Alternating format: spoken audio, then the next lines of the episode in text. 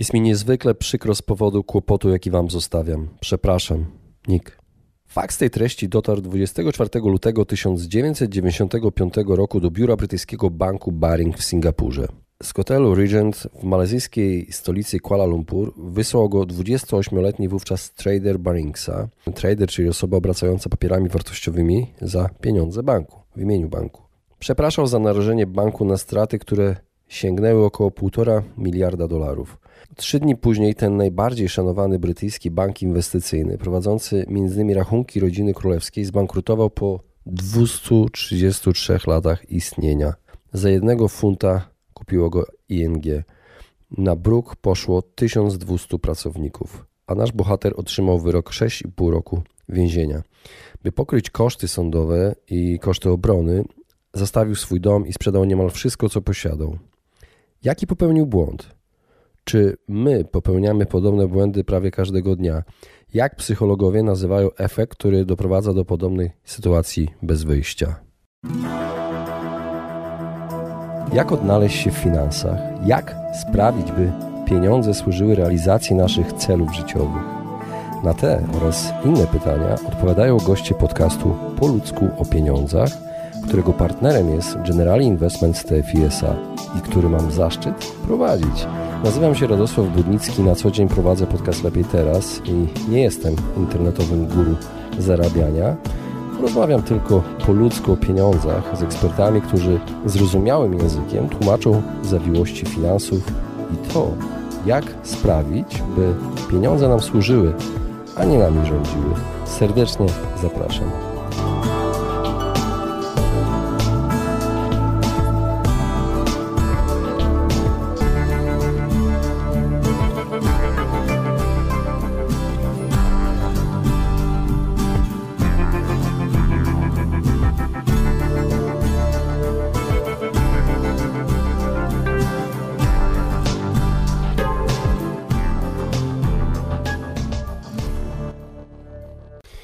Moi drodzy, witam Was serdecznie w kolejnym odcinku Po ludzku o pieniądzach. Dzisiaj chciałbym nagrać e, dla Was solowy, solowy epizod, e, w którym opowiem o pewnym efekcie. E, ten fragment to jest fragment, który opowiada historię pewnej osoby, pewnego pana, do którego za chwilę przejdę, który popełnił pewien błąd, który być może popełniamy każdego dnia.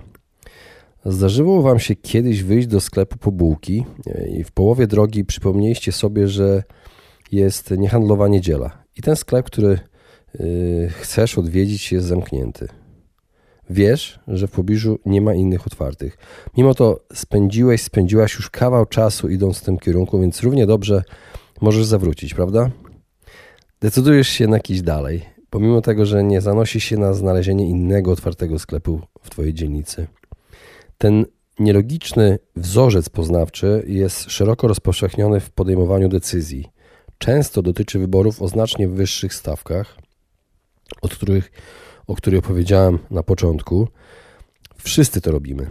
W różnych sytuacjach życiowych, y, w pracy, w, przy wydawaniu pieniędzy, w podejmowaniu decyzji osobistych, bardzo osobistych nawet, lub takich zwykłych, mm, sporadycznych sytuacjach y, życiowych. Na przykład, kiedykolwiek poszedłeś do kina i zostałeś do końca filmu, e, który był beznadziejny, lub kontynuowałeś kolejny sezon swojego ulubionego programu telewizyjnego, mimo że scenarzystom zabrakło weny, lub po prostu przestał być tak porywający jak na początku. No, tak często bywało z serialami. Pamiętam, jak moja mama narzekała, że e, serial po oglądaniu kilku lat już po prostu się zużył, bo scenariusze e, zataczają kręgi i się powtarza. No ale mimo to dalej ten serial ogląda. Jak można przeczytać, y, wracając jednak do naszego bohatera, pozwólcie, że opowiem Wam jego historię za Wikipedią tutaj. Będę cytował Wikipedię. Opowiadałem Wam na początku o Nikolasie Lisonie, czyli Niku Lisonie, znanym w latach 90., na początku lat 90. Y, maklerem handlującym instrumentami pochodnymi. Lison zaczął w tajemnicy spekulować na rynku instrumentów pochodnych w 1992 roku. kiedy był maklerem w singapurskim oddziale banku Barings, dokąd został oddelegowany z powodu toczącego się przeciwko niemu w Londynie postępowania sądowego. Do jednego z jego głównych zadań należało między innymi dokonywanie bezpiecznych transakcji arbitrażowych, kontrakty futures na indeks giełdy japońskiej Nikkei 225. Ponieważ indeks był notowany w dwóch miastach, w Singapurze i Osace, występowały niewielkie różnice między wartościami indeksu na tych giełdach, co było dogodną sytuacją, sytuacją do kupna kontraktu terminowego na jednej giełdzie i sprzedaży kontraktu na drugiej, zarabiając na różnicy w cenach. Jednak y, Nick zaczął wdrażać serię niebezpiecznych strategii i w celu zatarcia śladów y, swoich działań stosował wewnętrzny numer banku. To był pięć ósemek. I, a w chińskiej numerologii y, ten numer jest uważany za wyjątkowo szczęśliwy. Pod koniec 1992 roku jego straty wynosiły ponad 2 miliony funtów i wzrosły do 208 milionów funtów pod koniec 1994. Początek końca nastąpił 16 stycznia 1995 roku, kiedy Lison dokonał bardzo ryzykownej transakcji stelażowej. Jest to taki rodzaj krótkiej sprzedaży e, w kontrakty futures na indeks e, Nikkei 225. Założył on, że wartość indeksu nie zmieni się z dnia na dzień i utrzyma się na poziomie 19 tysięcy punktów. Jednak następnego dnia z powodu trzęsienia ziemi w Kobe na rynku nastąpiły gwałtowne spadki, powodujące jeszcze większe straty maklera. Nick próbował e, zminimalizować straty, dokonując serii niezwykle ryzykownych, niezabezpieczonych niczym inwestycji. Tym razem założył, że na rynku nastąpi gwałtowne odbicie, co jednak nie nastąpiło. Gdy postanowił w końcu zabezpieczyć się przed rosnącymi stratami, dokonał transakcji kompensacyjnej na japońską stopę procentową i obligacje rządowe, co nie przyniosło spodziewanego efektu. Zdając sobie sprawę z powagi sytuacji, zostawił wiadomość I'm sorry i uciekł do Singapuru. Całkowite straty Nika Lissona osiągnęły wartość 827 milionów funtów, dwa razy więcej niż kapitał banku i po ujawnieniu y, doprowadziły Barings do bankructwa. Bank został przyjęty przez ING za symbolicznego funta. Y, po ucieczce do Brunei, Malezji oraz następnie do Niemiec, Nick Leeson został aresztowany i wydany z powrotem Singapurowi 2 marca 1995 roku Pamiętam e, tę ucieczkę, śledziłem w telewizji. E, zastanawiałem się, kiedy, który kraj go za, w końcu zatrzyma, bo pamiętam, że telewizje pokazywały Nika Lissona jak e, na lotniskach, różnego rodzaju lotniskach, które zwiedzał.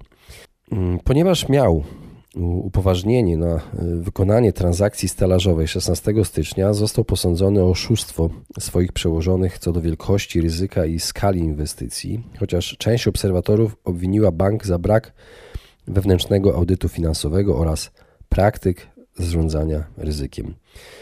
E, Nick e, otrzymał karę 6,5 roku więzienia.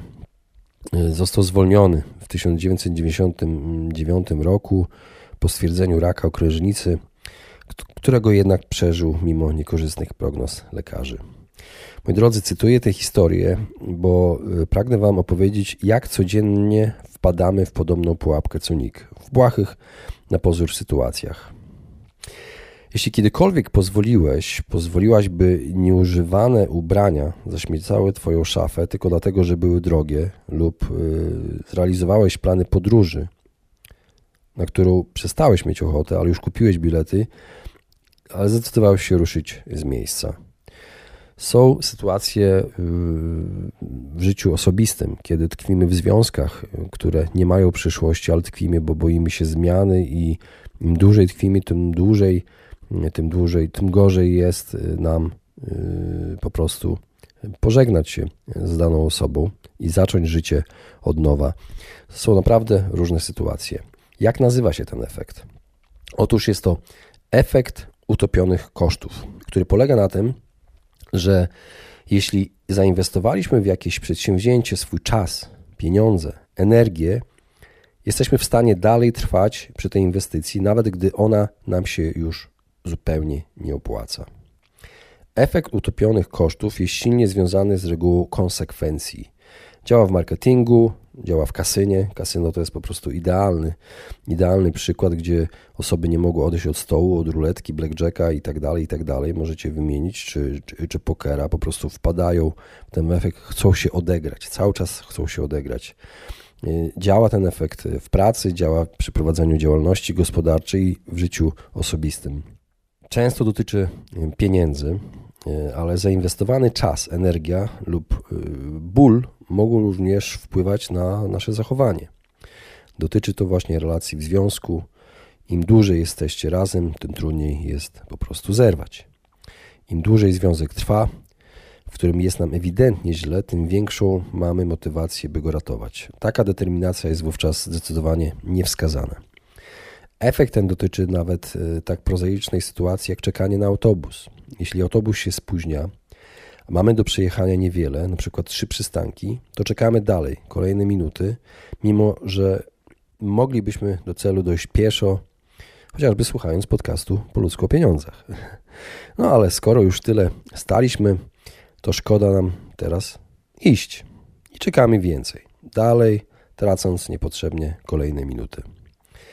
Ten efekt staje się błędem, jeśli zmusza cię do robienia rzeczy, które sprawiają, że jesteś nieszczęśliwy po prostu. Według definicji, efekt utopionych kosztów to jest zjawisko polegające na tym, że ludzie mają skłonność do trzymania się wcześniej podjętych decyzji, nawet w sytuacji, gdy okazały się one niekorzystne, jeśli tylko były związane z poniesieniem dużych kosztów lub ze znacznym wysiłkiem. Jest to ogólna tendencja ludzi do kontynuowania wysiłku lub y, kontynuowania konsumpcji mm, lub poszukiwania opcji, jeśli zainwestowali w nią czas, pieniądze lub zasoby. I zachowanie to jest sprzeczne z teorią ekonomii, która mówi, że tylko teraźniejsze oraz przyszłe zyski i koszty powinny mieć wpływ na podejmowanie decyzji. Koszty poniesione wcześniej nie powinny mieć znaczenia. Takie zachowanie tłumaczy już teoria perspektywy, o której nie będę tutaj mówił. Człowiek wykazuje awersję do strat, więc stara się ich uniknąć. No ale moi drodzy, postanowiłem poszukać bardziej yy, i gdzie jeszcze wpadamy w tę pułapkę takich zachowań. Okazuje się, że bardzo często yy, w miejscu pracy. Madeline Grant w artykule BBC, yy, który znalazłem na stronie BBC pod tytułem The Trick to Learning When to Cut Your Losses, czyli sposób na to, by się nauczyć, kiedy obcinać nasze straty, pisze, że w pracy konsekwencje desperackiego trzymania się niemożliwych do odzyskania kosztów mogą być katastrofalne. W przypadku mniejszych firm może to oznaczać na przykład y, odroczenie zwolnienia pracownika, który spędził miesiące na szkoleniach, mimo że od samego początku było jasne, że nie ma sensu go trzymać dłużej. Ale ten sam duch popycha ludzi do całkowicie nielogicznych, yy, wielkich inwestycji. Myślenie tylko w kategoriach możliwych przyszłych zysków oznacza, że nie uwzględniają już poniesionych funduszy, których nie można odzyskać. Łatwo zrozumieć dlaczego. Po zainwestowaniu, tak jak pisze Medlin, 10 milionów funtów w projekt, który nie został zrealizowany, argument o zainwestowaniu kolejnych 5 milionów funtów jest o wiele łatwiejszy do uzasadnienia, jeśli weźmie się pod uwagę zwrot z 5 milionów funtów zamiast 15 milionów funtów. Ale w rzeczywistości oczywiście nie chcesz wyglądać głupio, porzucając. I Merlin tutaj podaje mm, cytat y, z Daniela Kahnemana, autora książki Thinking Fast and Slow, który w swojej książce wysnuł hipotezę, że myślenie o kosztach utopionych często wyjaśnia, dlaczego firmy szukają nowego kierownictwa lub zatrudniają konsultantów y, zewnętrznych na tym etapie upadku projektu. Nie dlatego, że są oni bardziej kompetentni niż y, pierwotni menadżerowie, ale ponieważ nowo przybyli nie niosą żadnego bagażu politycznego i związanej z tym niechęci do ograniczania strat i zmiany strategii. Tak, taka ciekawostka.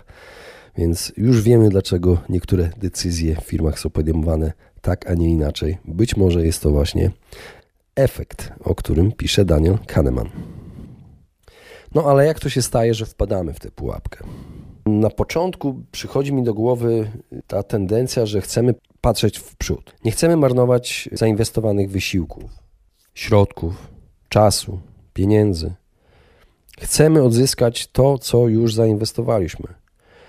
I trzymanie się planu, nawet jeśli już ci nie służy, może być też próbą skorygowania y, naszego dysonansu poznawczego mentalne rozłączenie między zapłatą za coś, a nieosiągnięciem oczekiwanego zwrotu z inwestycji. Może to być próba przekonania innych i nas samych, że nasze wysiłki, inwestycje czasu nie, czy pieniędzy nie poszły na marne.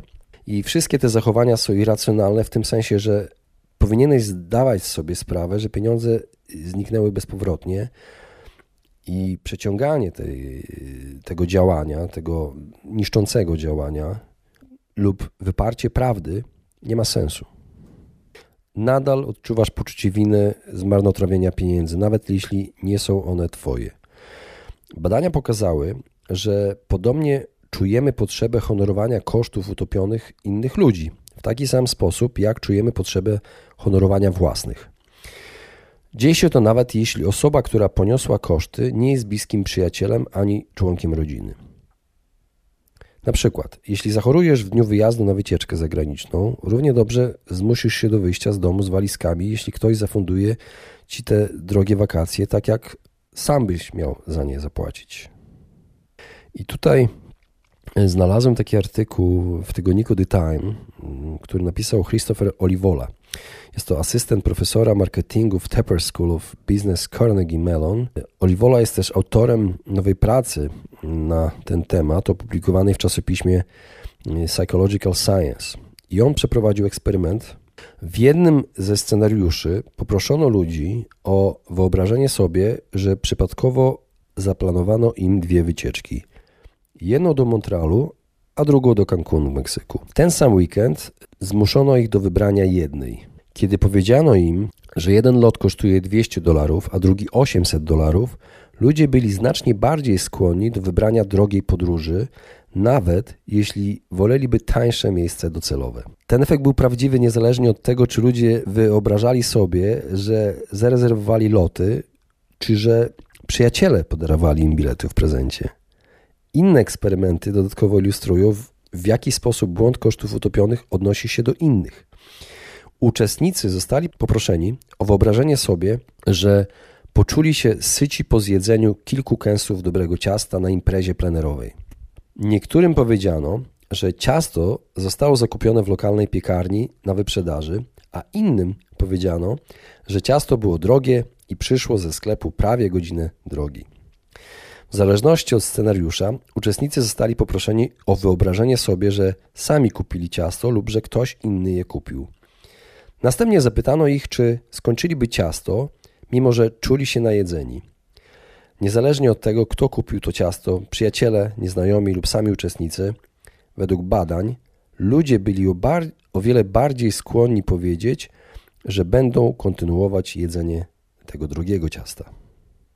Oliwola mówi też, że nie jest do końca jasne, dlaczego czujemy się tak zmuszeni do honorowania inwestycji innych, tak samo jak honorujemy własne, nawet jeśli działają przeciwko nam. Mówi jednak, że ludzie powinni spróbować pokonać obie wersje błędnego kosztu utopionego. To, co zostało zrobione, zostało zrobione. Nic nie możesz zrobić, aby odzyskać utracone pieniądze, a dążenie do czegoś, co czyni cię nieszczęśliwym, nie tylko nie pozwoli odzyskać pieniędzy, ale także pogorszy sytuację. Po prostu kopiesz głębszą dziurę. Y, to jest koniec cytatu z badań Oliwoli i ten błąd y, związany z niechęcią do strat i uprzedzeniami status quo można również postrzegać jako uprzedzenie wynikające z ciągłego zaangażowania. Na przykład osoby czasami zamawiają za dużo jedzenia, a następnie przejadają się nadmiernie, aby odzyskać ekwiwalent zapłaconych pieniędzy. Wiele, e, wiele razy widzimy coś takiego w bufetach tak zwanych, czyli w Polsce to się nazywa szwedzki stół w hotelach w czasie konferencji.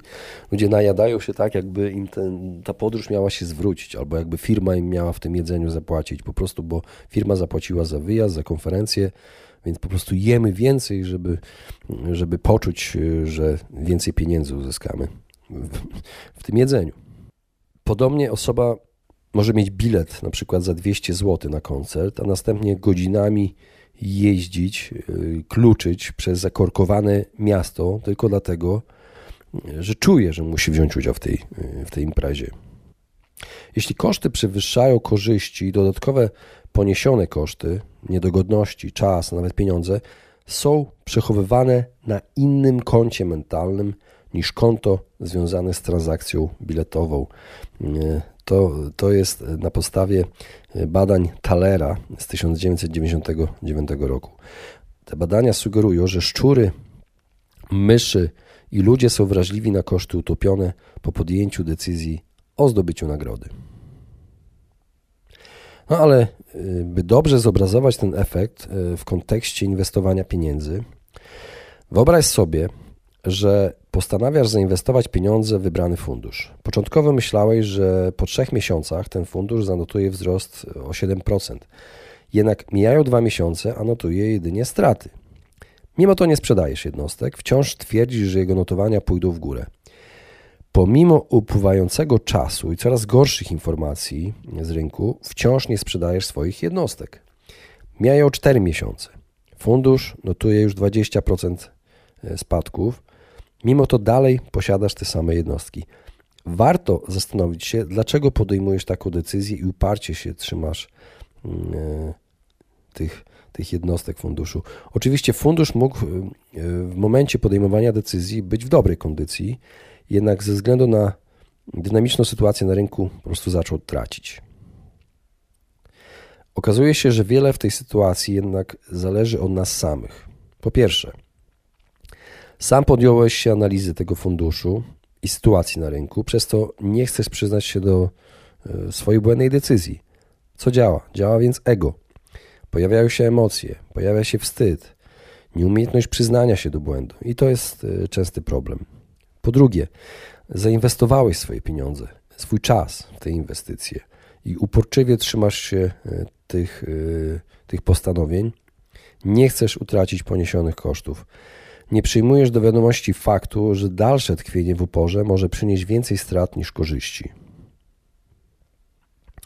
Na rynkach finansowych efekt utopionych kosztów szczególnie dotyczy aktywnych inwestorów o krótkim horyzoncie czasowym. W przypadku, gdy poniosą straty, są często gotowi podejmować większe ryzyko, aby je jak najszybciej odrobić. W 2001 roku dwaj profesorowie z Uniwersytetu Michigan, Kowal i Shamway przeprowadzili badanie zachowań market makerów na, rynkach, mm, na rynku kontraktów Futures Chicago Board of Trade. Zaobserwowali występowanie zjawiska, które nazwali efektem popołudniowym. Inwestorzy, którzy w początkowej fazie sesji ponieśli straty, byli gotowi ponosić większe ryzyko w drugiej części dnia. I efektem utopionych kosztów można także e, wytłumaczyć stosowanie przez inwestorów strategii zwanej uśrednianiem. Na czym polega uśrednianie?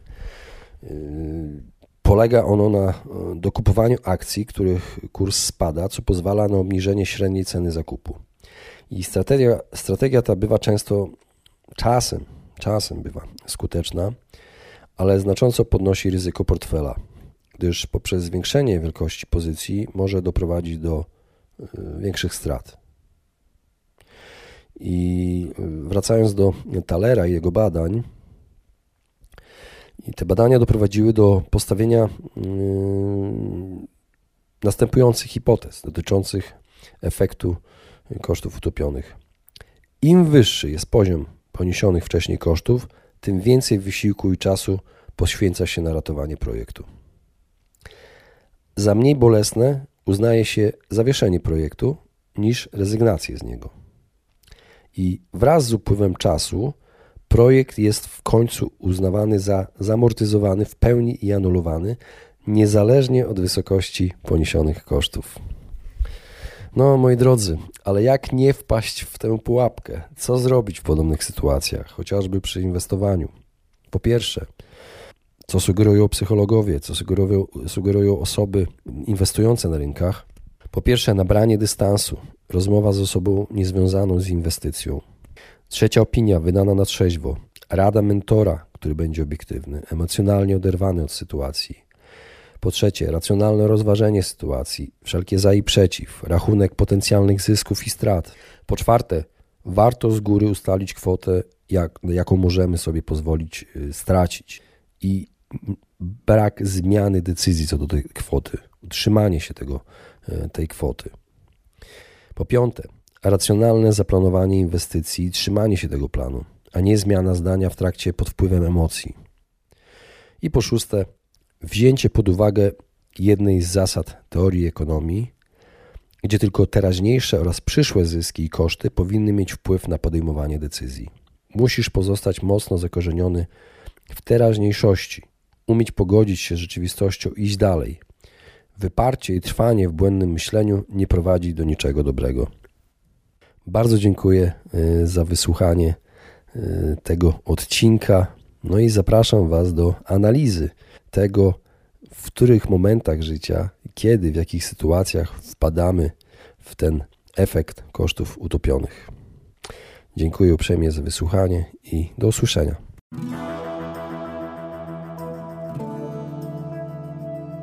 Właśnie wysłuchaliście podcastu Po ludzku o pieniądzach. Mam nadzieję, że Wam się podobała rozmowa. Jeżeli Wam się podobała, poświęćcie swój czas, proszę, by pozostawić swoją recenzję na iTunes. Jeżeli macie pytania lub e, propozycje dotyczące kolejnych audycji, piszcie do mnie na fanpage'u Po ludzku o pieniądzach i do usłyszenia w następnym razem.